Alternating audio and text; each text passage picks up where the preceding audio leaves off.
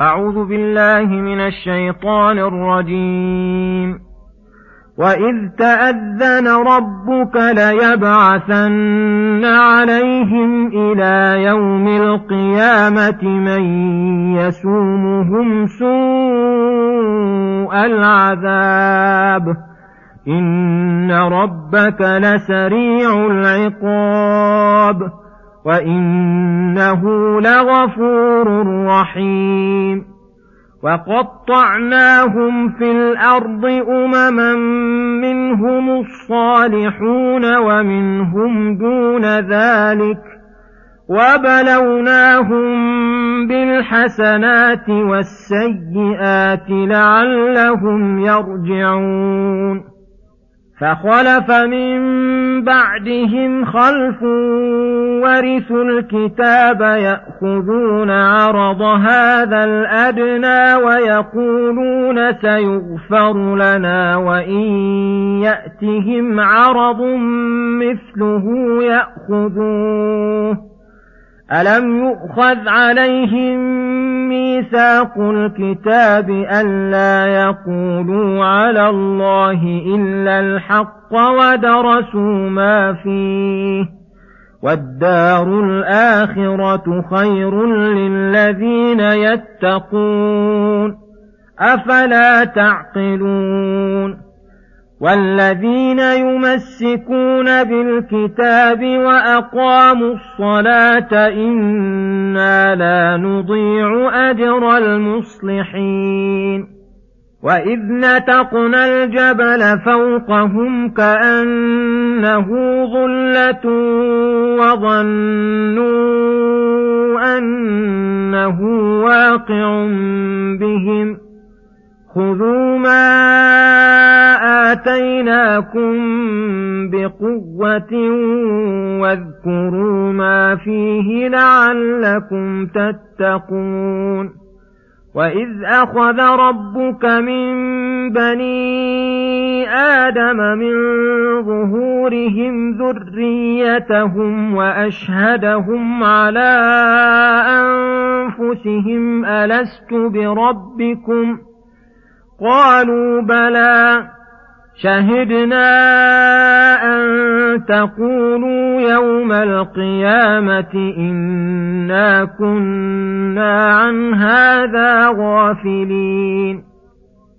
أو تقولوا إنما أشرك آباؤنا من قبل وكنا ذرية من بعدهم.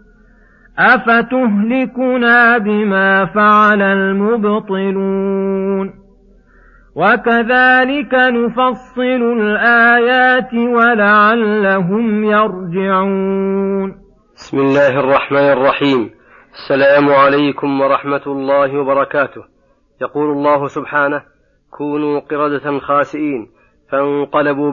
فانقلبوا بإذن الله قردة وأبعدهم الله من رحمته ثم ذكر, ثم ذكر ضرب الذلة والصغار على من بقي منهم فقال وإذ تأذن ربك ليبعثن عليهم إلى يوم القيامة من يسومهم سوء العذاب. إن ربك لسريع العقاب وإنه لغفور رحيم. وإذ تأذن ربك أي أعلم إعلاما صريحا ليبعثن عليهم إلى يوم القيامة من يسومهم سوء العذاب أي يهينهم ويذلهم. إن ربك لسريع العقاب لمن عصاه. حتى إنه يعجل له العقوبة في الدنيا وإنه لغفور رحيم لمن تاب إليه وأناب يغفر له الذنوب ويستر عليه العيوب ويرحمه بأن يتقبل منه الطاعات ويثيبه عليها بأنواع المثوبات.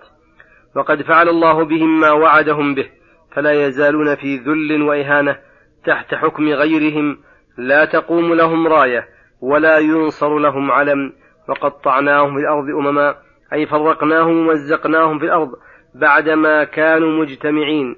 منهم الصالحون القائمون بحقوق الله وحقوق عباده ومنهم دون ذلك أي دون الصلاح إما مقتصدون وإما الظالمون لأنفسهم. وبلوناهم على عادتنا وسنتنا بالحسنات والسيئات أي باليسر والعسر لعلهم يرجعون عما هم عليه مقيمون من الردى ويراجعون ما خلقوا له من الهدى فلا فلم يزالوا بين صالح وطالح مقتصد فخلف من بعدهم خلف زاد شرهم ورثوا بعدهم الكتاب فصار المرجع فيه إليهم وصاروا يتصرفون فيه بأهوائهم. وتبذل لهم الأموال ليفتوا ويحكموا بغير الحق وفشت فيهم الرشوة يأخذون عرض هذا الأدنى ويقولون مقرين بأنه ذنب وأنهم ظلمة. سيغفر لنا وهذا قول خال من الحقيقة فإنه ليس استغفارا وطلبا للمغفرة على الحقيقة.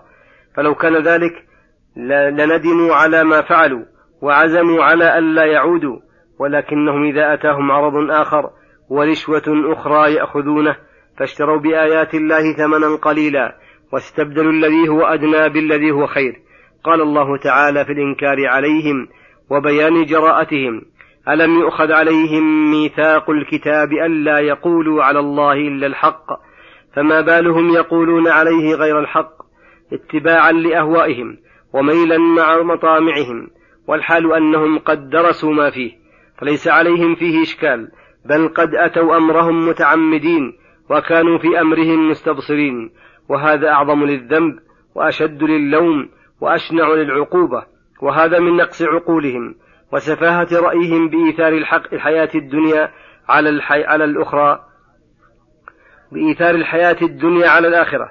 ولهذا قال والدار الآخرة خير للذين يتقون. ما حرم الله عليهم من المآكل التي تصاب وتؤكل رشوة على الحكم بغير ما أنزل الله وغير ذلك من أنواع المحرمات. أفلا تعقلون؟ أي أفلا تكون لكم عقول توازن بين ما ينبغي إيثاره وما ينبغي الإيثار عليه وما هو أولى بالسعي إليه والتقديم له على غيره. فخاصية العقل النظر للعواقب وأما من نظر إلى عاجل طفيف منقطع يفوت نعيما عظيما باقيا فأنى له العقل والرأي. وإنما العقلاء حقيقة من وصفهم الله بقوله والذين يمسكون بالكتاب أي يتمسكون به علما وعملا فيعلمون ما فيه من الأحكام والأخبار التي علمه أشرف العلوم ويعلمون بما فيها من الأوامر التي هي قرة العيون وسرور القلب وأفراح الروح وأفراح الأرواح وصلاة وصلاح الدنيا والآخرة. ومن أعظم ما يجب التمسك به من التمسك به من المأمورات إقامة الصلاة ظاهرا وباطنا ولهذا خصها بالذكر لفضلها وشرفها وكونها ميزان الإيمان وإقامتها داعية لإقامة غيرها من العبادات. ولما كان عملهم كله إصلاحا قال تعالى إنا لا نضيع أجر المصلحين في أقوالهم وأعمالهم ونياتهم مصلحين لأنفسهم ولغيرهم. وهذه الآية وما أشبهها دلت على أن الله بعث رسله عليهم الصلاة والسلام بالصلاح لا بالفساد. دلت على أن أن الله بعث رسله عليهم الصلاة والسلام بالصلاح لا بالفساد وبالمنافع لا بالمضار وأنهم بعثوا بصلاح الدارين فكل من كان أصلح كان أقرب اتباعهم ثم قال تعالى وإذ نتقنا الجبل فوقهم كأنه ظلة وظنوا أنه واقع بهم. خذوا ما آتيناكم بقوة واذكروا ما فيه لعلكم تتقون. وإذ نتقنا عليهم الجبل إذ نتقنا الجبل فوقهم حين امتنعوا من قبول ما في التوراة فألزمهم الله العمل ونتق فوق رؤوسهم الجبل فصار فوقهم كأنه ظلة وظنوا أنه واقع بهم وقيل لهم خذوا ما آتيناكم بقوة أي بجد واجتهاد واذكروا ما فيه دراسة ومباحثة واتصافا بالعمل لعلكم تتقون إذا فعلتم ذلك. ثم يقول سبحانه وإذا أخذ ربك من بني آدم من ظهورهم ذريتهم أي أخرج من أصلابهم ذريتهم وجعلهم يتناسلون ويتوالدون قرنا بعد قرن وحين أخرجهم من بطون أمهاتهم وأصلاب آبائهم أشهدهم على أنفسهم ألست بربكم؟ أي قررهم بإثبات ربوبيته بما أودعه في فطرهم من الإقرار بأنه ربهم وخالقهم ومليكهم. قالوا بلى قد أقررنا بذلك. فإن الله تعالى فطر عباده على الدين الحنيف القيم فكل أحد فهو مفطور على ذلك. ولكن الفطرة قد تغير وتبدل بما يطرأ على العقول من العقائد الفاسدة. ولهذا قالوا بلى شهدنا أن تقولوا يوم القيامة إنا كنا عن هذا غافلين. أي إنما امتحناكم حتى أقررتم بما تقرر عندكم من أن الله تعالى ربكم خشية أن تنكروا يوم القيامة فلا تقروا بشيء من ذلك وتزعمون أن حجة الله ما قامت عليكم ولا عندكم بها علم بل أنتم غافلون عنها لاهون. فاليوم قد انقطعت حجتكم.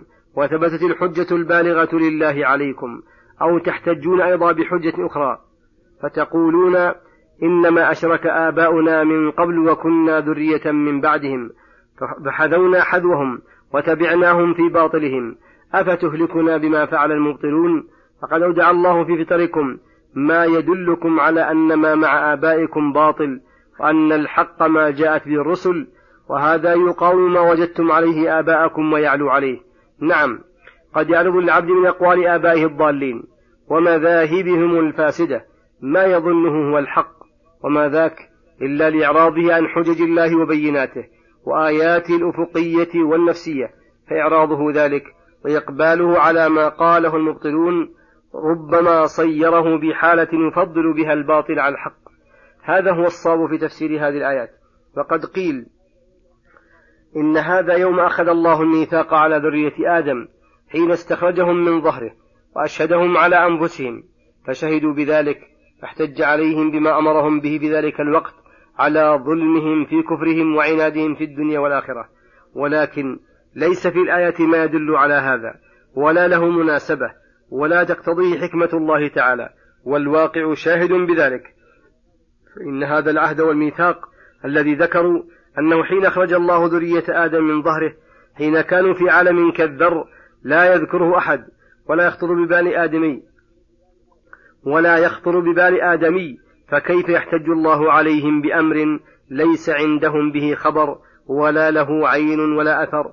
ولهذا لما كان هذا أمرا واضحا جليا قال تعالى وكذلك نفصل الآيات أي نبينها ونوضحها ولعلهم يرجعون إلى ما أودع الله في فطرهم وإلى ما عاهدوا الله عليه فيرتدعوا عن القبائح وصلى الله وسلم على نبينا محمد وعلى آله وصحبه أجمعين وإلى الحلقة القادمة غدا إن شاء الله والسلام عليكم ورحمة الله وبركاته.